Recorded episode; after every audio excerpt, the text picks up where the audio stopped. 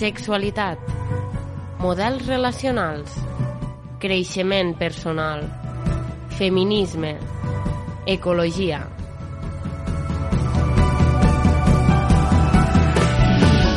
Sense tabús, la secció de Ràdio Matarranya sense pèls a la llengua.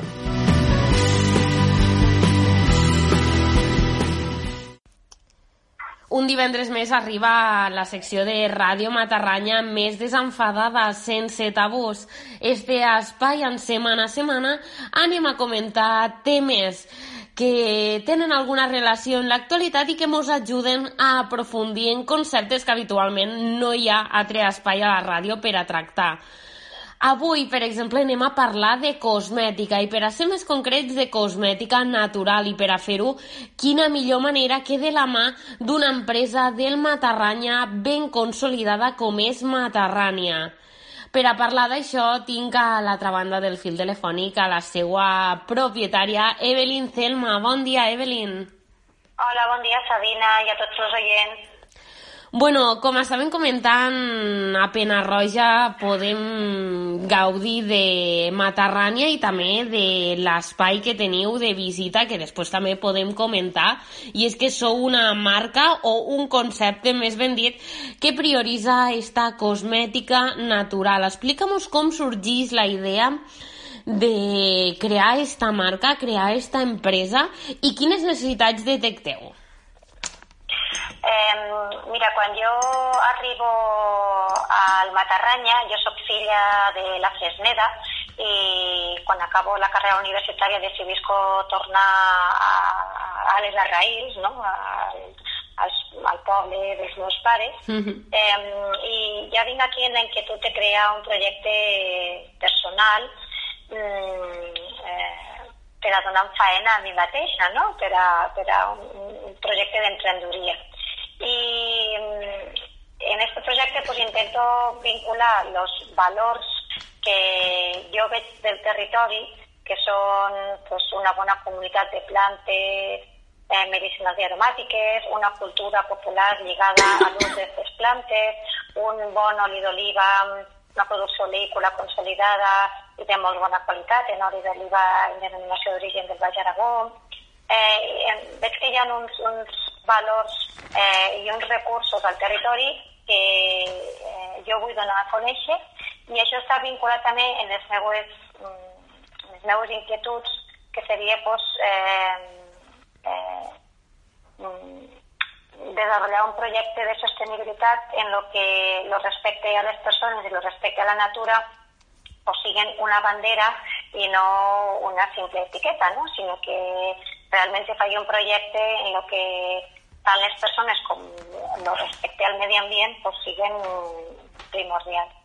Entonces, la unió d'aquestes dos inquietuds i lo, la meva estima al món natural i a la tradició popular pues fan que eh, Matarrània recopilo fórmules de cura de la pell, recopilo propietats de les plantes, mètodes d'elaboració ancestral i los traduïsque en una oferta de productes ecològics eh, adaptats a les necessitats mm, actuals de cura de la pell. Entonces, si decidís cuidar la pell o el cabell o eh, pues de una forma natural, en ingredients naturals en, eh, i a més en eficàcia, pues està buscant un, un producte de cosmètica ecològica certificada i aquí pues, pot donar una bona resposta a l'oferta de Matarranya perquè així d'entrada per als nostres oients que potser no estiguen molt immersos dins de la cosmètica o que no estiguen immersos dins de la cosmètica natural, com definiries tu mateixa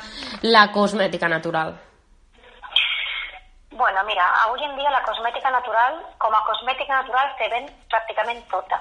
Tu si te fixes, eh, los reclams publicitaris de marques convencionals siempre utilizan ingredientes naturales, pues el extracto de aloe vera o eh, el oli d'argan o siete, siete aceites maravillosos.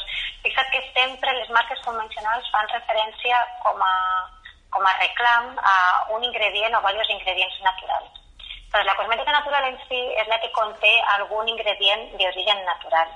Eh, però no perquè sigui algun ingredient vol dir que tota la resta eh, siguin naturals, ja que hi ha molts ingredients d'origen sintètic que lògicament són segurs per utilitzar-los perquè per això estan al mercat, però no trau que tinguin un percentatge molt, molt petit d'ingredients naturals. Doncs, si volem parlar de cosmètica realment natural, hem d'anar a parlar de cosmètica ecològica, que és aquella que està regulada per una normativa en la que hi ha un mínim d'ingredients que han de ser eh, certificats ecològics, és a dir, que provenen de cultius en els que no s'han utilitzat eh, productes eh, que puguen contaminar la terra o la salut de les persones. Per tant, si han d'aprendre a donar un pas més i no només parlar de cosmètica natural, sinó de parlar directament de cosmètica ecològica com la, la única cosmètica natural en garantir.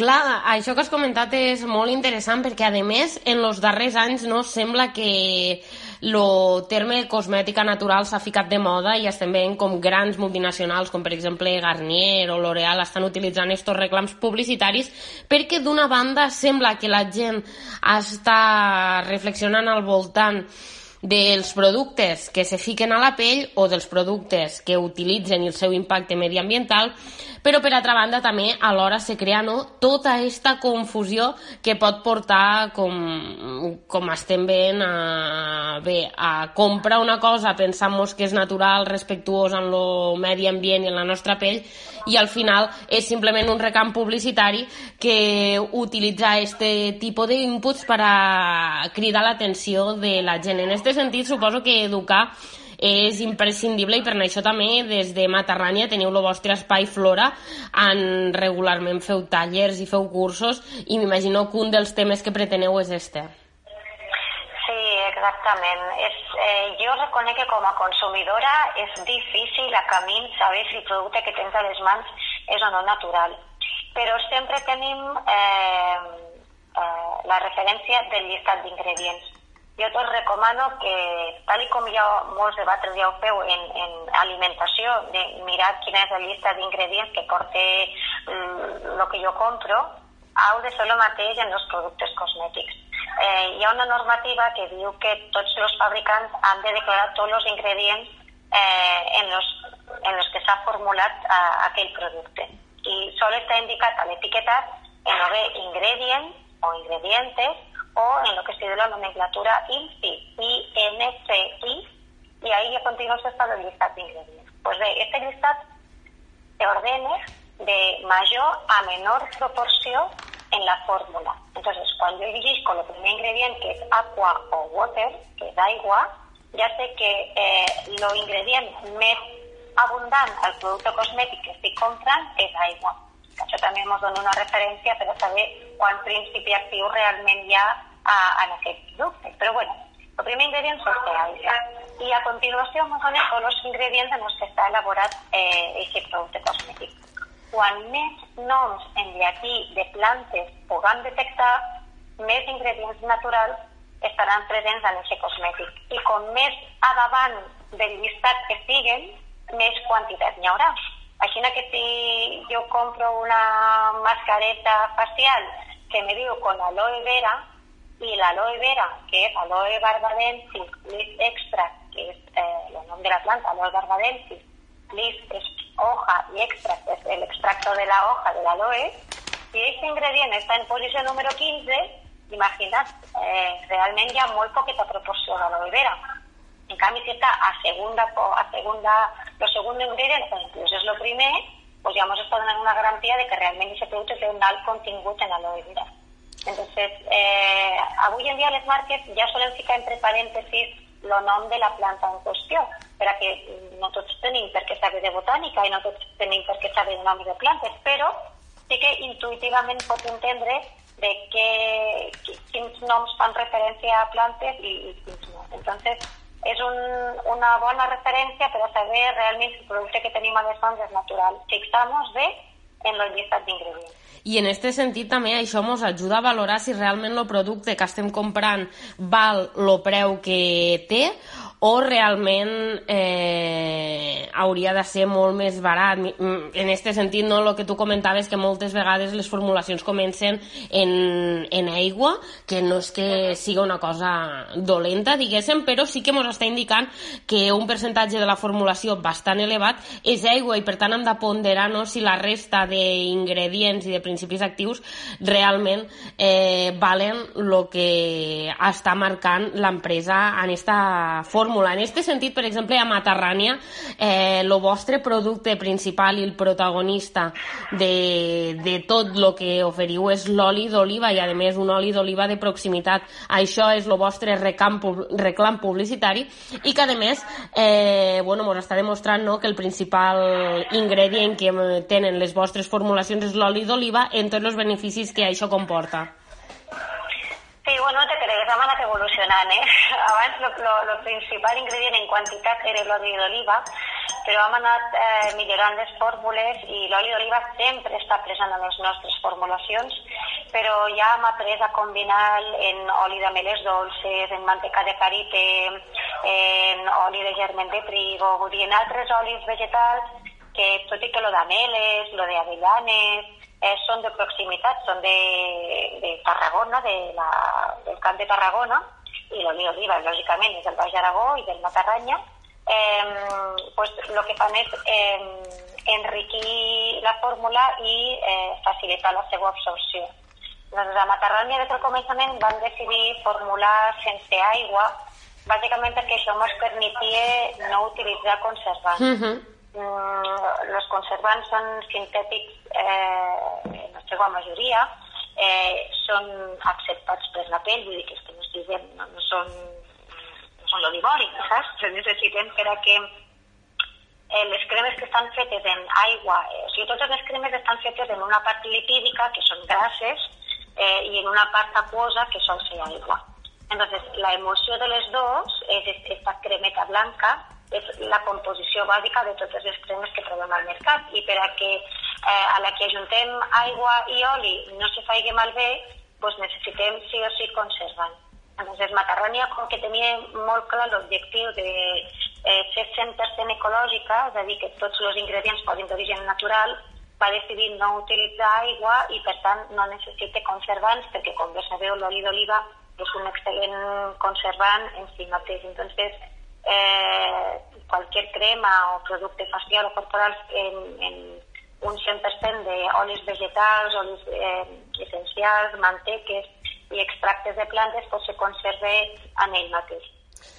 Eh, també eh, és important un concepte que, que has comentat. Avui no ens dona temps d'aprofundir en tot, però sí de fer quatre apunts de cada, de cada idea, i és que has parlat de que les vostres formulacions, els productes que utilitzeu majoritàriament són de proximitat, i això és molt important perquè, des del meu punt de vista, eh, hi ha molta cosmètica ecològica o productes d'alimentació ecològics que són ecològics pel tipus d'agricultura que, que els ha produït, però que, per altra banda, si venen d'altres parts del món molt llunyanes, com pot ser Sud-àfrica o Àsia, eh, no són tan sostenibles com us podríem pensar que són. Fiquem l'exemple, per exemple, d'estar comprant no, algun tipus de manteca, manteca de cacau, per exemple, a Sud-amèrica, eh, i l'hem de transportar fins aquí. Encara que sigui manteca ecològica, hem de tindre en compte tot aquest transport que al final tindrà unes emissions de CO2 molt important i que, per tant, eh, rebaixarà la sostenibilitat d'aquest producte. Per això també la importància no, de fomentar el producte de proximitat per això i per també donar valor a les empreses territorials, com és el cas de les zones rurals, que és el matarrani en el que l'agricultura i el sector primari està tan present. Molt bé, ho has explicat molt bé. és així, no? Així, no, Sabina? Molt bé, estàs molt, molt al dia i veig que estàs eh, doncs molt ben informada exactament. La motxilla ecològica eh, de molts productes incorpora eh, com s'ha produït, eh, quin transport ha tingut, eh, quines emissions de diòxid de carboni ha suposat aquest transport. Entonces, eh, eh, és important consumir ecològic, però també és important consumir de proximitat. Entonces, ahí sí que ens assegurem que és un producte de temporada, eh, que té el màxim de nutrients, eh, i a més a més, com tu dius, que està ajudant a l'agricultor, l'agricultora que està detrás, intentant sobreviure a, a aquests pobles en dignitat. Entonces, per a nosaltres és fundamental poder utilitzar ingredients bons i com més propers. I comentat això, també m'agradaria incidir en la importància del tipus d'envàs que conté el producte. En això també a Matarranya ho teniu molt clar i utilitzeu, eh, diria que en pràcticament tots els productes, eh, lo vidre, excepte en el cas dels sabons eh, en pastilla, que utilitzaríeu el cartó, però en final esteu evitant el plàstic, este plàstic també, no?, que com sabem és insostenible, que tarda molts anys en degradar-se i que també acumula un gran nivell de contaminació. Com vos plantegeu al crear l'empresa eh, tots aquests conceptes que estem parlant, perquè al final tot això requereix no, una formació extensa i a l'hora d'aplicar-ho m'imagino que vos podeu trobar també en algunes dificultats o, sí, dificultats en el moment de la producció. Sí, sí, tens raó. Eh? Ja t'he comentat que la sostenibilitat per a mi eh, com a llicenciada en Ciències Ambientals que sóc, pues, eh, és un valor molt important.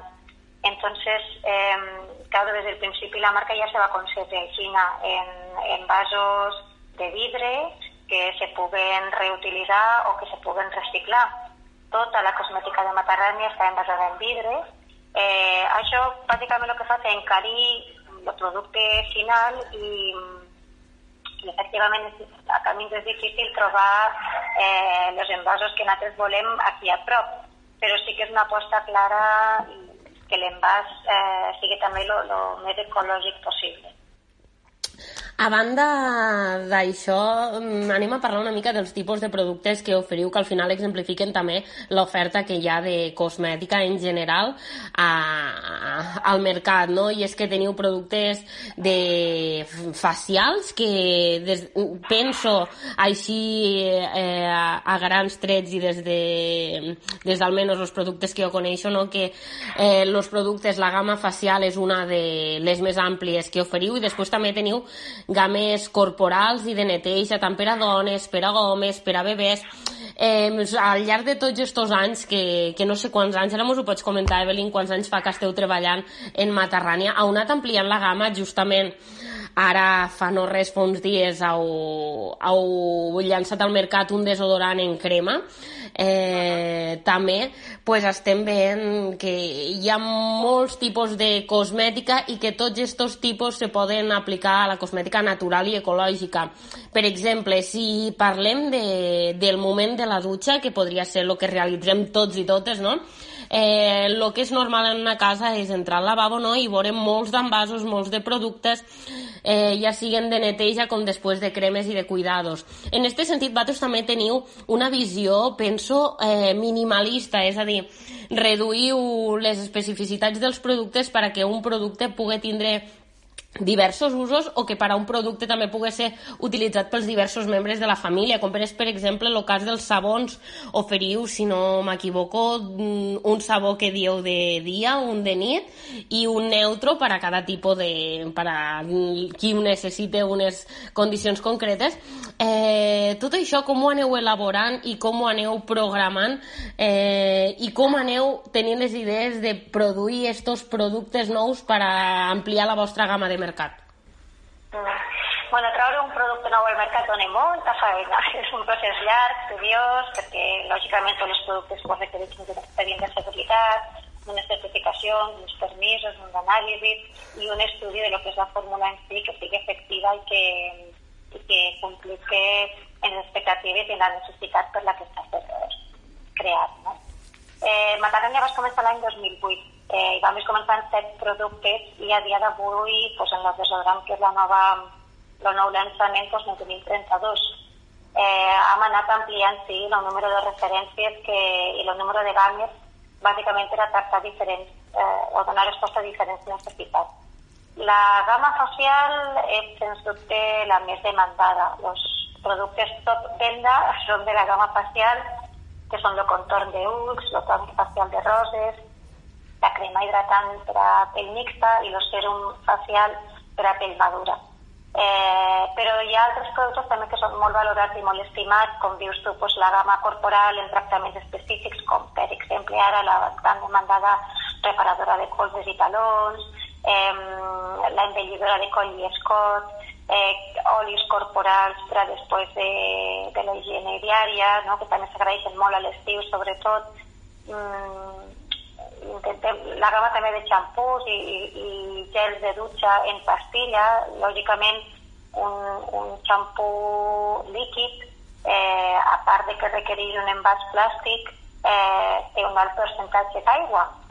Tornar a rentar-nos en pastilla de sabó eh, tant al cos com al cap és una bona manera de, de reduir tot el packaging, tot el que és el residu que se genere en la compra d'un xampú o un gel líquid i a més fa la mateixa funció de, de limpiar eh, i, i també protegir la pell.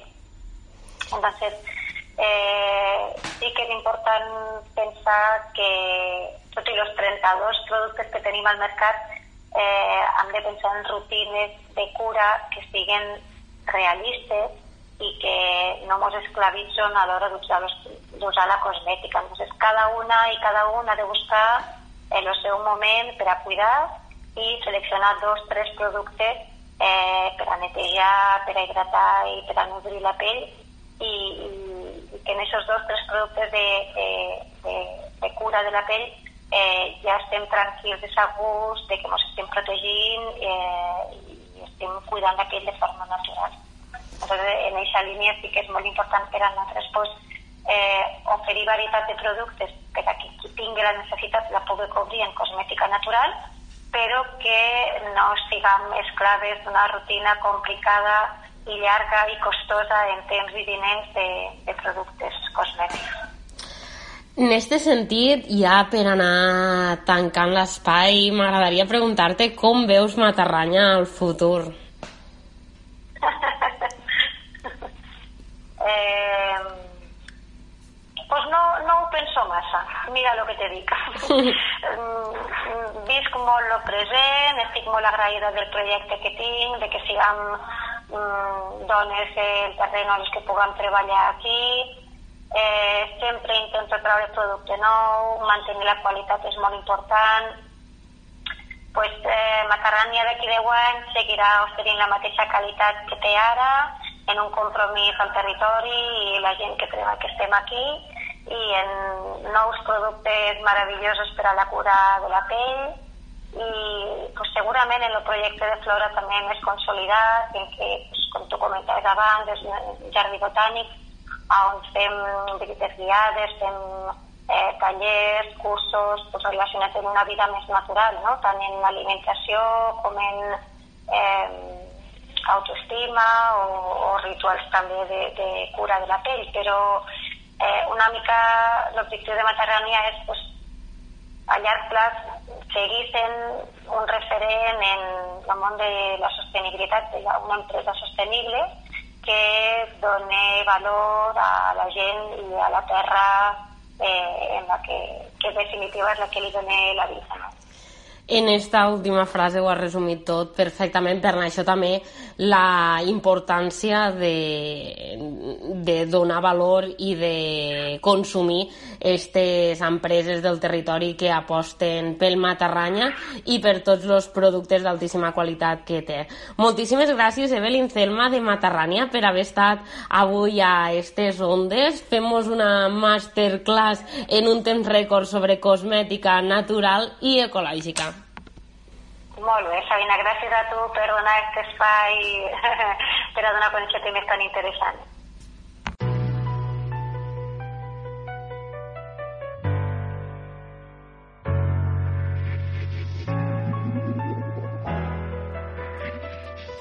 Sexualitat, models relacionals, creixement personal, feminisme, ecologia,